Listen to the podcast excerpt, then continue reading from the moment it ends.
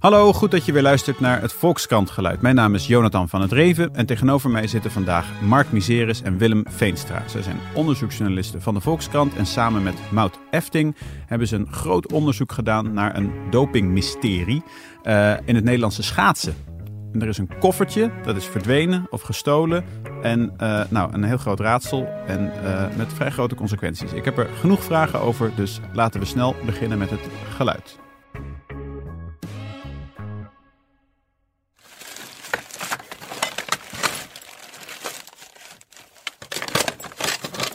Uh, dit is het uh, geluid van uh, een houten koffertje waarin urinestalen voor dopingcontroles werden bewaard en vervoerd. Dus zo klinkt dat. Ik vroeg me dat al een, al een tijdje af. Ja. Um, want alles jullie verhaal draait om een, uiteindelijk om een houten koffertje.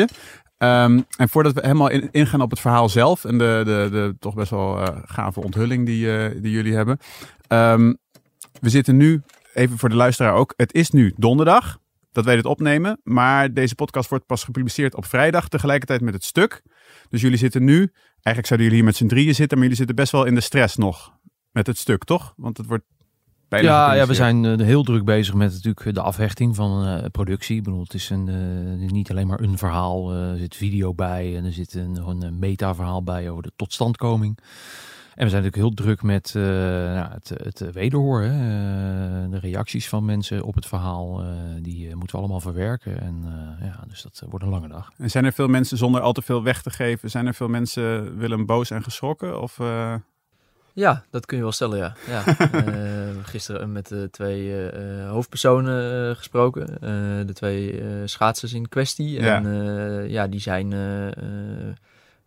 geschokt in ieder geval. Ja zeggen ze. Dus ja, dat is. Uh, en uh, er komt bij dat er nu een aantal mensen de verhalen aan het lezen zijn. We hebben het conceptstuk hebben naar een aantal mensen verstuurd die erin voorkomen. Ja, want jullie hebben allemaal coaches, andere schaatsers, een wielrenner, uh, mensen van de KNSB, van de Schaatsbond. Jullie hebben heel veel mensen gesproken. Ja. En bijna iedereen heeft dus geëist om dat stuk eerst nog te lezen. Nou nee hoor, dat, dat, een paar mensen hebben daarom gevraagd. Maar we doen uit het oogpunt van zorgvuldigheid sturen gewoon het hele ja. stuk alsnog aan een aantal mensen die erin voorkomen. Omdat, ook al hebben we die mensen eerder al gesproken...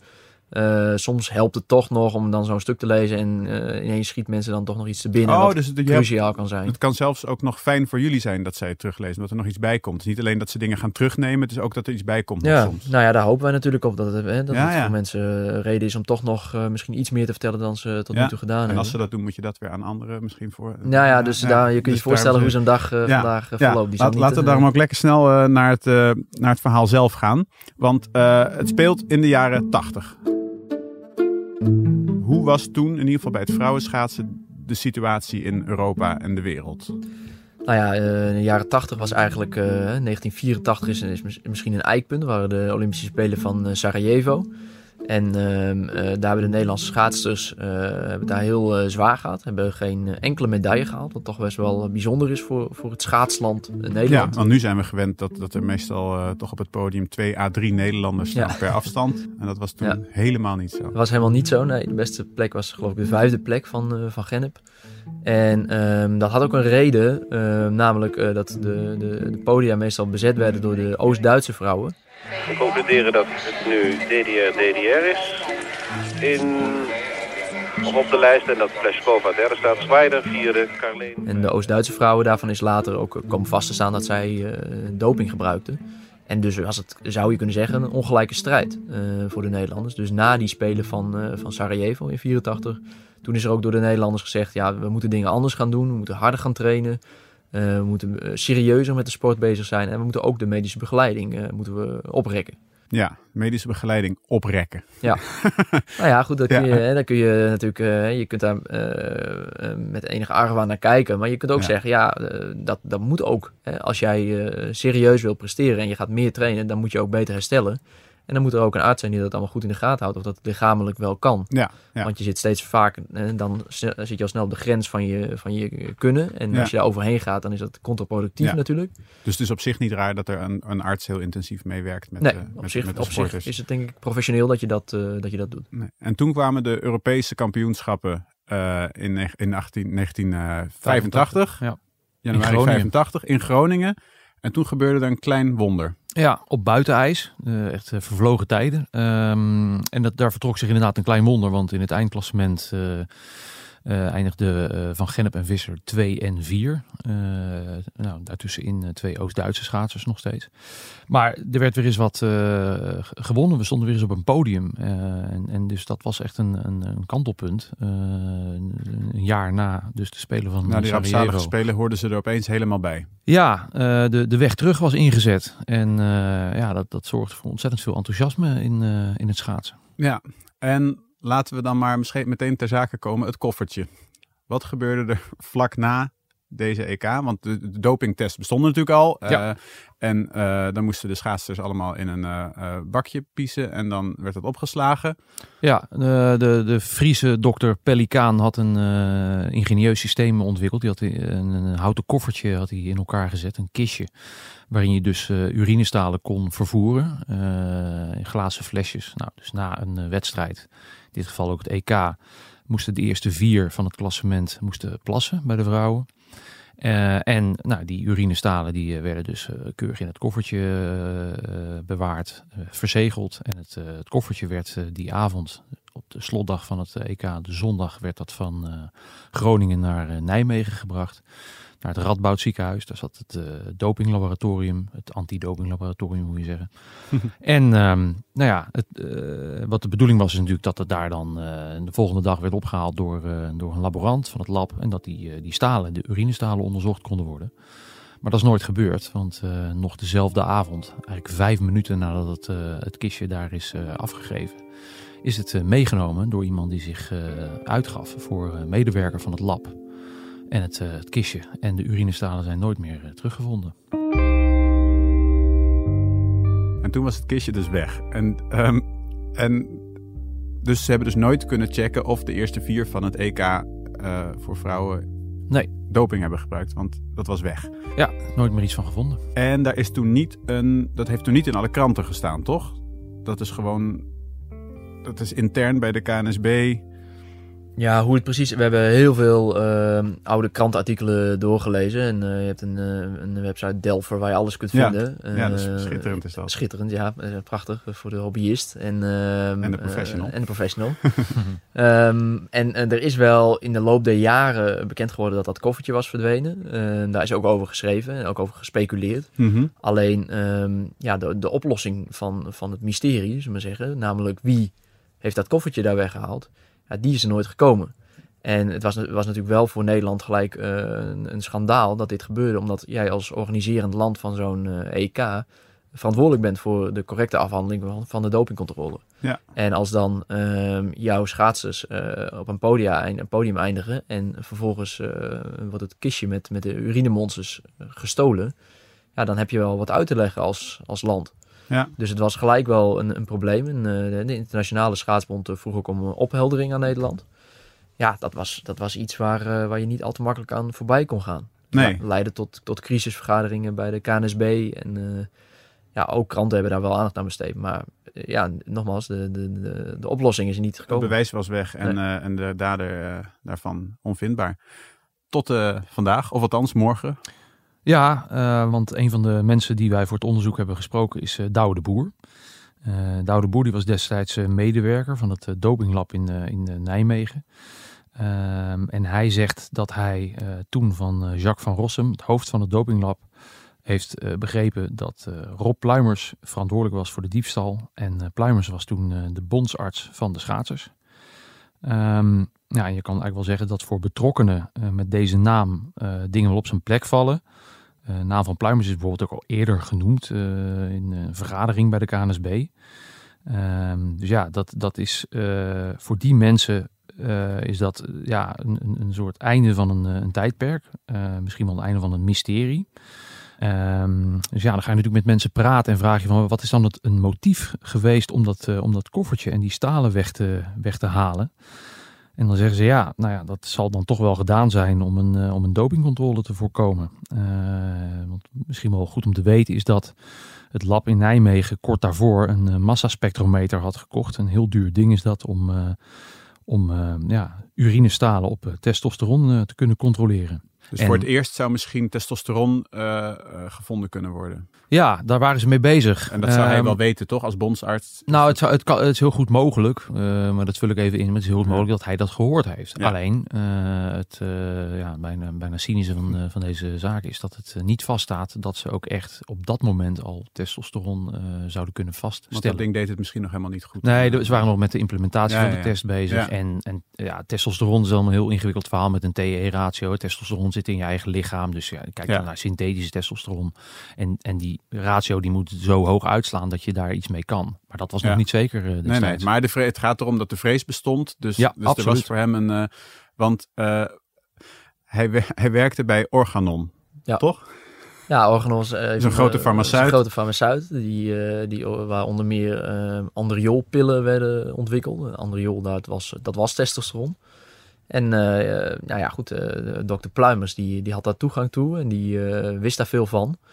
Ja, dat was een opmerkelijke combinatie dat zo iemand bij de schaatsbond werkte. Dat zou je nu ook eigenlijk niet meer goed kunnen voorstellen. Hè? Dat, dat, Nee. dat je er zoiets doet, want je hebt gelijk alle verdenking dan natuurlijk Ja. over je. En het is ook duidelijk, eventjes sprong voor. Jullie hebben ook eh Maarten Ducro gesproken, oud wielrenner, commentator bij de NOS. En die heeft gewoon gezegd: Ik heb van hem doping gekregen. Ik heb van hem die bolletjes testosteron gekregen, toch? Ja, want dokter Pluimers eh, was, was zijn eh, begeleidend arts eh, later bij de Ja. wielerploeg waar hij zat. En eh, ja, die gaf hem dat. Dat vertelt hij ook. Dus En- ja, dus het is eigenlijk helemaal. Pluimers heeft doping gegeven aan sporters. Pluimers was sportarts bij de vrouwen op dat moment. De vrouwen presteerden opeens wonderbaarlijk goed. Dat zijn dus Ja, en, en eh, wat ook wel belangrijk is om op te merken, hè, dat na die dramatische spelen van Sarajevo, dat er een trainingskamp eh, is geweest van de schaatsers. Eh, en, en Pluimers heeft eh, aan ons verteld dat hij daar eh, voorlichting heeft gegeven over het gebruik van testosteron. Hij zegt, ik heb het nooit toegediend. Nee. En, en het, was, het was verboden, maar Maar denk erom, dames, wel- als je te veel neemt, krijg je een baard. En Nou ja, ik weet wat hij. Ja, dat, ik hoop dat hij dat gezegd heeft, want dat zijn Ja. natuurlijk wel bijwerkingen die Ja. we met DDR hebben gezien. Ja. Maar hij heeft daar inderdaad gewoon wel voorlichting gegeven. bijwerkingen die we, die we. Dus, maar goed, eigenlijk dit allemaal bij elkaar. is het zeer aannemelijk dat Yvonne van Gennep en Ria Visser. in ieder geval toen testosteron. of althans doping en waarschijnlijk testosteron hebben gebruikt. Het is altijd Toch? moeilijk om, om eh, kijk, dat- het, dat het erop lijkt. Ja, dat, bedoel, dat kan iedereen vaststellen. Eh, we hebben ze ook zelf gesproken. Daar zullen we zo meteen eh, waarschijnlijk wel even op terugkomen. Maar ook zij zeggen, kleine teaser, zij zeggen, ja, als ik dit verhaal zou lezen, dan zou ik ook denken, eh, foute boel. Ja, foute boel. Ja, want het is wel degelijk. Het is ook jullie suggestie. Het is niet van eh, wat grappig dat mensen dit eruit halen. Dit is jullie verhaal. Ja. Dat, zij, dat zij doping hebben gebruikt. En Nou ja, goed, dat, hè, dat, wij kunnen natuurlijk niet zeggen, dat zeggen Nee, we ook niet in het nee, verhaal, nee, dat zij doping hebben gebruikt. dat Omdat ehm, eh, ten eerste, dat is niet aangetoond. En ten tweede, ehm, we weten ook niet, eh, er is ook nog een mogelijkheid, een theorie, dat zij eh, wel testosteron hebben, testosteron hebben gekregen, maar dat ze dat bijvoorbeeld niet wisten. Nee, dat precies, zij, want dat eh, kan met testosteron. Je hoeft niet eh, aan een eh, bloedmachine of zo. Je krijgt gewoon een pilletje door je Ja, tegengeroerd. het kan of via zo. injecties. Kijk, en, en zij, Oh ja, zij, dus zij vertellen dat ze, dat ze best wel pillen en injecties kregen. Maar dat Ja. dat injecties waren hè, tegen griep, vitamine-injecties. Ehm, maar hij is toen ook nog. De volgende dag, of een paar dagen later, gingen ze naar Davos, naar Zwitserland. voor een trainingskamp met de hele ploeg. En toen is hij halverwege niet goed geworden. En teruggegaan. eh, en moest hij inderdaad Moest hij eh, worden opgehaald. door, eh, door iemand van de KNSB. En ja, hij zegt dus tegen ons dat, dat, dat het eigenlijk vanaf het moment dat hij zondagavond in de auto stapte, dus, dus nog, nog voordat hij ergens in Nijmegen aankwam, Mhm. een blackout heeft gehad, eh, een, een hersenbloeding, zegt hij nu. En dat het hem nou ja, zwart geworden is voor zijn ogen, dat hij niet weet wat er gebeurt. Hij kan zich niet herinneren of hij het heeft gedaan. Eh, en hij kan zich ook niet herinneren of hij het niet heeft gedaan. Ja. Het, eh, het ontvreemden van het koffertje. Dat, ja, ja het, het, misschien kan het medisch. Toch? Of- Nou ja, goed. Ik of jullie eh, nog met artsen hebben We zijn gesproken. geen medici, maar Nee. het- hij zegt eigenlijk dat hij, en dat is wel in ieder geval opvallend te noemen, dat hij vanaf, eh, vanaf zeg maar de, de bewuste avond van de diefstal tot een maand eh, daarna, dat hij eigenlijk alles kwijt is. Dus dat hij gewoon Ja. zich eigenlijk niks meer kan herinneren van Ja. die periode. Nou, het is eigenlijk heel gek, hè? want normaal gesproken bij, bij dit soort verhalen we maken vaker eh, natuurlijk onderzoeksverhalen waarbij uiteindelijk iemand eh, eh, niet heel positief van afkomt. Nee. En dan confronteer je zo iemand met een aantal bevindingen. En dan zegt die persoon, nou ja, meestal is niet waar. Dat klopt Ja. niet. In dit geval zegt hij dat natuurlijk niet. Nee. Hij zegt, ja, ik kan me niet herinneren. Ik weet het niet. Ja, En ja, ja dat, is, dat is opmerkelijk. ja. Eventjes over de tot, totstandkoming. Straks nog even over de consequenties misschien. Maar de totstandkoming vind ik wel interessant. Want eh, jullie zijn met best wel een, eh, best wel een zwaar team. Eh, want Mout Efting hoort er ook nog bij. Dus Ja. met drie onderzoeksjournalisten. Alle drie tegelwinnaars geloof ik. Echt serieus, zwaar geschud. Hm. Op, een, op een dopingzaak van 30 jaar geleden. Ehm, waarom het belangrijk is straks even. Maar, maar hoe komt dat dan tot stand? Hoe, hoe lang zijn jullie ermee bezig? En jullie doen het ook nog samen met andere tijden? Ja. Sport? Nou ja, hoe het tot stand komt is eigenlijk... eh, het was niet zo dat wij dachten, laten we eens een oude dopingzaak eh, weer gaan onderzoeken.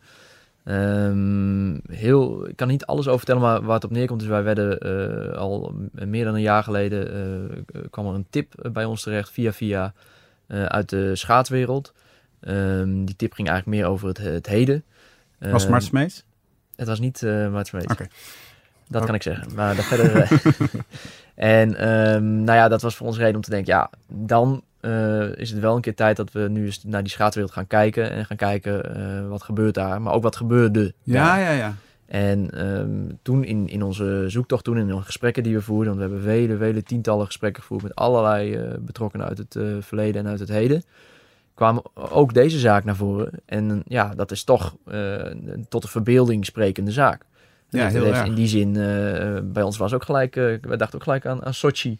En aan eh, de, de Ja. Russen die daar monsters lieten verdwijnen. Ja, want het, want het, het, het, het verschuift een beeld. Hè? Want wij waren allemaal nog heel jong, respectievelijk niet geboren misschien eh, toen dit gebeurde. Maar in die tijd eh, was het zo, de, de Oostblok, dat waren, dat waren slechte boeven eh, die, die hier alle, die alle medailles kwamen winnen. En, en er kwamen er twee super frisse, super leuk uitziende Hollandse meisjes. En die wonnen opeens, toch? Het was echt een, Ja. het was echt een, een goed en kwaad, een, een, een Le- en versus eh, lelieblanke Nederland. Ja, ja, ja. En, en dat beeld. Ja. En wat nu dus eigenlijk weer is, want die Russen die zijn weer gepakt met doping. En, en die worden dan half uitgesloten van de Spelen. En mogen alleen maar sommigen meedoen en zo. En, en wij zijn allemaal zo braaf. Maar ik, ik, eh, ik, ik snap nog niet helemaal. Je gaat praten met mensen.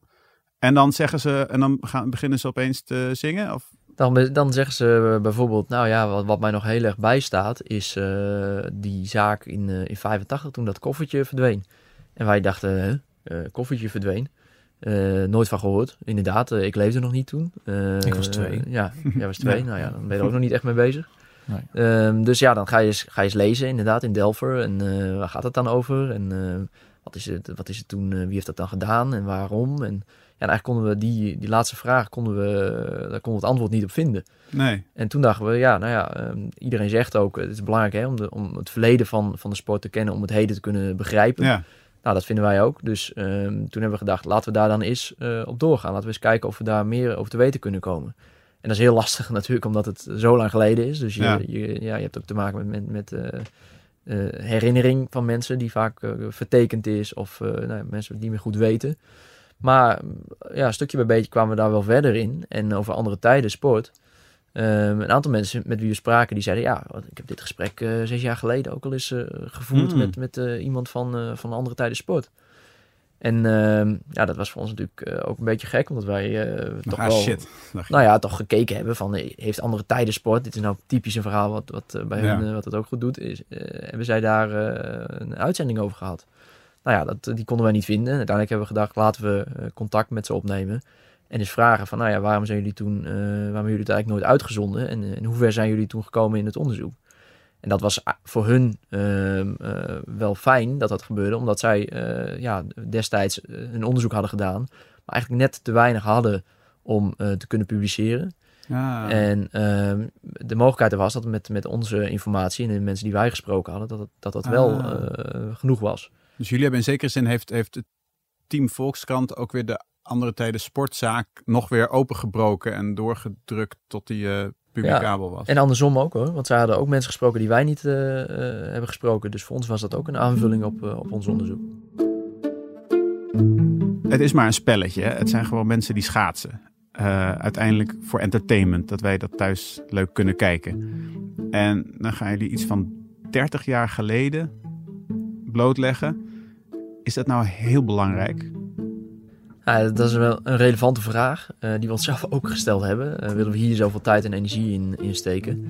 En um, we denken dat het wel belangrijk is omdat, um, ja, wat ik eerder ook al zei, het is belangrijk om de geschiedenis van je sport te kennen, om het, om het heden te kunnen begrijpen. En er komt bij dat in dit geval, in ieder geval de verdenking van de bondsarts, die toen ook al bekend was, ja, er is niet transparant over gecommuniceerd door de KNSB, de nee. bond. Um, uh, er, is nooit opheldering gekomen over wat er nou met die, met die pluimers, de bondsarts, is gebeurd uh, na uh, het gestolen koffertje. Want hij is namelijk... hij heeft daar niet meer gewerkt. Hij heeft daar niet meer gewerkt. Nee. Um, ja, dat zijn gewoon dingen die volgens mij die je moet uitspreken. Die, waar je open over moet zijn met, met de kijker, met het publiek. En als zij dat zelf niet doen, dan is het taak voor de journalistiek om dat te doen. En dat dat ehm, pas zo lang na dato is. Ja, dat komt ook omdat mensen, hoe langer iets geleden is, hoe makkelijker ze erover praten. Ja. En ik denk als wij dit onderzoek tien jaar geleden zouden hebben gedaan, dat we niet uh, waren gekomen waar we nu zijn gekomen. Wat zijn dit nog voor, voor consequenties nu, echt deze zaak, hè? dus gewoon dit in het verleden? Uh, Ria Visser zat tot voor kort nog bij de NOS. Uh, maar nu niet ja, meer. altijd niet meer. Altijd niet meer. Ja. En Yvonne van Gennep is nog wel bij het schaatsen ja, is manager in het, in het schaatsen. Ja. Dus die zit bij Team Liga of zo. Ja, ze was ook mee naar die uh, wereldbekers laatst in, ja. uh, in Japan. En, dus die zit nog vol in de schaatswereld. Ja. En jullie hebben ze allebei gesproken en ze ontkennen. Ze ontkennen, ja. Dat ze ervan weten. Ja, nou ja, ze zijn geschokt door het verhaal en, en, en, en, zeggen dat ze nooit een verboden product hebben gebruikt. Nee. en zeggen ook dat, dat, dat het niet zo kan zijn dat Pluimers iets heeft toegediend Oh, zij voorgeschreven. Oh, oh, dus zij gaan niet in de, in de van uh, misschien heeft hij het in ons drankje gedaan. Zij zeggen zelfs het kan niet. Nee. Nou ja, het is wel iets wat, wat uh, dat vertelde Yvonne van Gennep aan ons. Uh, ze zegt ja, um, ik heb wel. Ze heeft eerder al gehoord van dat dat koffertje toen is gestolen. dat was toen, toen andere tijden met die, aan die uitzending werkte in 2010. Mm -hmm. En toen heeft ze wel naar Pluimers gebeld met de vraag van meneer Pluimers, kan het zijn dat u me toch iets heeft gegeven wat verboden was. Want mm. uh, ik vind het toch vreemd dat, dat zo'n koffertje verdwenen is met mijn urine daarin. Ja. En toen heeft hij uh, gezegd, uh, Yvonne, maak je geen zorgen. je hebt een griepprik gekregen en vitamine. En dat is het. Er is verder niks gebeurd wat verboden is. Nou ja, dat was maar voor als ik een hersenbloeding heb, stel ik altijd koffertjes. Maar dat heeft hij toen natuurlijk nog niet gezegd. Nou, toen was nog niet bekend Nee. Dat hij het ook echt had gepakt. Nee, nee. En uh, nou ja, goed, zij zegt, voor mij was dat eigenlijk was daarmee de kous af. Dat was ja. een bevestiging dat het inderdaad, dat er niks fout is gegaan. Ja. En uh, ja, zelf heb ik in ieder geval nooit iets gebruikt. Dus nee. Dat is hun reactie. Kijk, en een sporter is, is afhankelijk van een sportarts. Hè? Dat zegt Van Gennep ook. Je moet je, ja. je arts moet je kunnen vertrouwen. Zoals je ook je huisarts moet kunnen vertrouwen als hij zegt, ik geef jou een, een iets tegen de griep. Ja. En dat het niet heel iets anders is. Uh, ja, goed. Uh, zij gelooft hem. Ja. Uh, en, en, ja, maar het is natuurlijk nooit uitgesloten dat een dokter, ik praat even in zijn algemeenheid, nee. iets geeft aan een sporter nee. waarvan die sporter niet weet wat het is. Nee, dat zou, dat zou wel het allemaal nog erger maken wat betreft Pluimers en de KNSB. Hè? Als die meisjes er niet eens van wisten dat ze dat ze doping Ja, als een arts, als een arts dus uh, producten toedient uh, buiten nou, medeweten van de sporters ja. of, of de bond in kwestie, ja, dan dat is dat natuurlijk absoluut niet uh, toegestaan. Nee, en die pluimers, is die nog, wat, is, is, is, is die razend en met advocaten aan het... nee, die zegt dus dat hij het niet meer weet, maar, ja. maar vindt hij dan wel goed dat jullie dit publiceren, zo? Nou, wij hebben hem meerdere keren gesproken. Hè, want hij is natuurlijk een belangrijke persoon in ja. het verhaal. Dus wij hebben hem uitgebreid kans gegeven om, om zijn verhaal ja. te doen. Hij heeft ook gewoon openlijk verteld over die bijeenkomst. In, in ja, waarin dus hij voorlichting moet geven. En ja. toen, zei, toen zei hij, ja, de, de coach, die was dan vooral de uh, die kloosterboer, Tjaard Kloosterboer. Die was degene die aanstuurde. Ja, dat zegt hij. Zegt en, hij. en Kloosterboer op zijn beurt, die ontkent dat uh, ja. zeer stellig. Ja, ja, ja. Dus, dus, maar ja, in ieder geval is dat koffertje, uh, is het een beetje een, beetje een doof pot. Een, een, een van de bestuursleden ja. van de KNSB van toen die zegt dit is, dit is in de doofpot uh, ja, verdwenen. Want dit kwam eigenlijk niemand goed uit. En wat betekent het voor de toekomst? Want, want Ria Visser heeft na de TK uh, niet meer zo uh, goed geschaatst. Uh, terwijl Yvonne van Gennep, die heeft drie jaar later haar gouden Olympische Spelen gehad met drie medailles op 1500. Dat, dat, dat was ongelooflijk. Ja. Dat weet ik zelfs nog vaag volgens mij. Um, is, is dan past die, die Oost-Duitse en, en uh, Sovjet-schaatsers die gebruikten toen ook nog doping, toch? in die tijd. Dat denken we, ja. Dus zou dit, als je de lezing gelooft dat zij testosteron hebben gekregen, ligt het voor de hand dat ze die gouden medailles ook op testosteron Nee. heeft gewonnen? Nee, Nee? dat, is, eh, dat is echt speculatie. Daar hebben wij ook geen, eh, we hebben daar geen enkel bewijs eh, voor gevonden. Nee. Dus als daar wat gebeurd is, dan, dan, nou, dan hopen we dat we daar ooit nog achter komen. Maar Ja. daar valt nu niks over te zeggen. Daar valt niks over. Dus het is ook denkbaar dat ze, dat ze na, deze, na de koffertjesaffaire allebei zijn gestopt. En dat het, het sprookje van eh, eh, 88 toch intact blijft. Nou, Van Gennep die zegt dus, ik heb nooit gebruikt. Nee, Eh, nee en- maar, daar, maar ja, en, zegt, eh, ik, ik zou er niet kunnen leven met de wetenschap dat ik dat wel gedaan zou hebben. En dat ik dan mijn medailles, bijvoorbeeld die van 88, ja. eh, op, op, een, op een verkeerde manier heb, eh, heb maar, gewonnen. maar dat, ik snap, de- omdat jij hebt er gesproken, maar als buitenstaander denk ik, ja, hoe sporters dopinggebruik ontkennen, als je filmpjes ziet van Armstrong of Bogert of wie dan ook voor en na hun bekentenis, dat is natuurlijk de manieren waarop ze ontkennen, dat is schitterend om te zien achteraf, maar je hoeft er dus geen enkele, volgens mij je daar geen enkele waarde aan te hechten, toch? Nou ja, Als goed, mensen eh, zeggen, dit zou niks voor mij zijn, ik zou er niet mee kunnen leven, Nee. dat is allemaal, ja. Nee, goed, dat is waar, maar goed, dat is ook wat zij zelf zeggen. Hè. Ze zeggen zelf, ja, ik zou, eh, als ik dit zie, zou ik het ook niet geloven. Nee, En de waarheid is dat je het waarschijnlijk nooit zult weten. nee, En definitief bewijs, dat is bij dit soort dingen eigenlijk onmogelijk. Tenzij iemand eh, zelf zegt, ja, vaak gebeurt dat dan onder grote druk. zie Armstrong en zie Bogert. Die zelf zegt, ja, dit heb ik inderdaad gedaan. ja. Of als dat- het koffertje nog uit de waal wordt gevist, hè? Ja, dat, nou ja, dat ja, is... zij, eh, zij roept er eigenlijk eh, bijna toe op. Ze zegt... Heeft iemand het eh, koffertje? ja, la- laat de stalen maar onderzoeken. Het lijkt me wat, wat lang eh, Ja. na dato. Maar Nou ja. Eh, om zo mijn onschuld te te bepleiten. Want zij zegt, ja, ik kan het wel zeggen, maar eh, ik heb het eigenlijk het liefst dat het eh, wordt aangetoond. Hey, en ehm, jullie, het begon dus met een, met een tip die misschien wel met het heden te maken had. Ehm, is dit, eh, dit zegt dus dat er toen iets aan de hand was bij de, in de Nederlandse schaatswereld. Opent dit nou, dit verhaal nou de weg naar meer schandalen? Zijn die nog, eh, is er nog meer of kun je daar niks over zeggen? Ja, we zijn wel bezig met een aantal verhalen. En eh, wat we eigenlijk proberen is een beetje een, een idee te krijgen van welke rol doping nou gespeeld heeft in de, in de Nederlandse schaatsport. Ja, En dat is, ehm, blijkt erg eh, lastig, omdat veel mensen, nou, het is een hele kleine wereld, mensen kennen elkaar allemaal. Eh, mensen voelen zich ook verantwoordelijk voor de sport. Het is natuurlijk best een kwetsbare sport, hè, omdat Nederland zo prominent eh, Ja. aanwezig is. maak het zelf kapot Ja, eigenlijk. nou ja, ehm, dus dat is, eh, ja, dus een, een dopingschandaal is niet iets waar mensen op zitten te wachten. Nee, En waar je zou kunnen zeggen van ja, het, is, het heeft ook een, een zuiverende werking als dat soort dingen naar buiten komen. En dat vinden wij ook. ja, Eh, want dan kun je, dat is de enige manier waarop je de dingen kunt verbeteren. Er zijn natuurlijk heel veel mensen die, die binnen die sport actief zijn. Die denken ja, maar dan moet je het maar eerst als, als sport maar overleven, hè, zo'n schandaal. ja. Dus we merken dat het heel lastig is. Maar we, hebben wel een iets beter beeld gekregen, denk ik. Eh, en we zullen ook nog wel een aantal verhalen publiceren over eh, wat recentere eh, dingen. Ehm, maar daar kunnen we inderdaad nog niet al te Nee, veel maar over dan zeggen. gaan allemaal mensen denken nu van shit, zouden ze, mijn, zouden ze bij mij terechtkomen die dit nu horen? Toch of niet? Dat kan, maar eh, ik zou in elk geval mensen willen uitnodigen eh, als je wat eh, te Kom, vertellen kom hebt. gerust Ja, praten. Nee, maar tuurlijk. Ik bedoel, het is ook van belang om dingen te begrijpen Ja. die in het verleden en het heden gebeuren. Ik bedoel, ik heb zelf een nodig verhaal over de wielersport gemaakt. En ja, dat ging echt wel met veel pijn gepaard hoor, in die sport, al die bekentenissen. Ja, maar ik denk wel dat, dat de huidige generatie wielrenners ervan profiteert dat dat in elk geval verteld is. En dat we weten hoe het eh, in zijn werk ging, doping toen. Ja. Eh, de mensen die er toen bij betrokken waren, dat die voor een groot deel niet meer in de sport werken. nee, Alleen op die manier eh, kan je vooruit. ja, ja. Nou, dan eh, hoop ik dat jullie nog... eh, ik hoop dat ze ook zo spectaculair zijn als deze, jullie eh, komende verhalen hierover. Ik eh, ga het zeker lezen. We laten het graag eh, ja, aan de lezer over om dat te beoordelen. Nou, heel veel dank en eh, veel succes. Oké.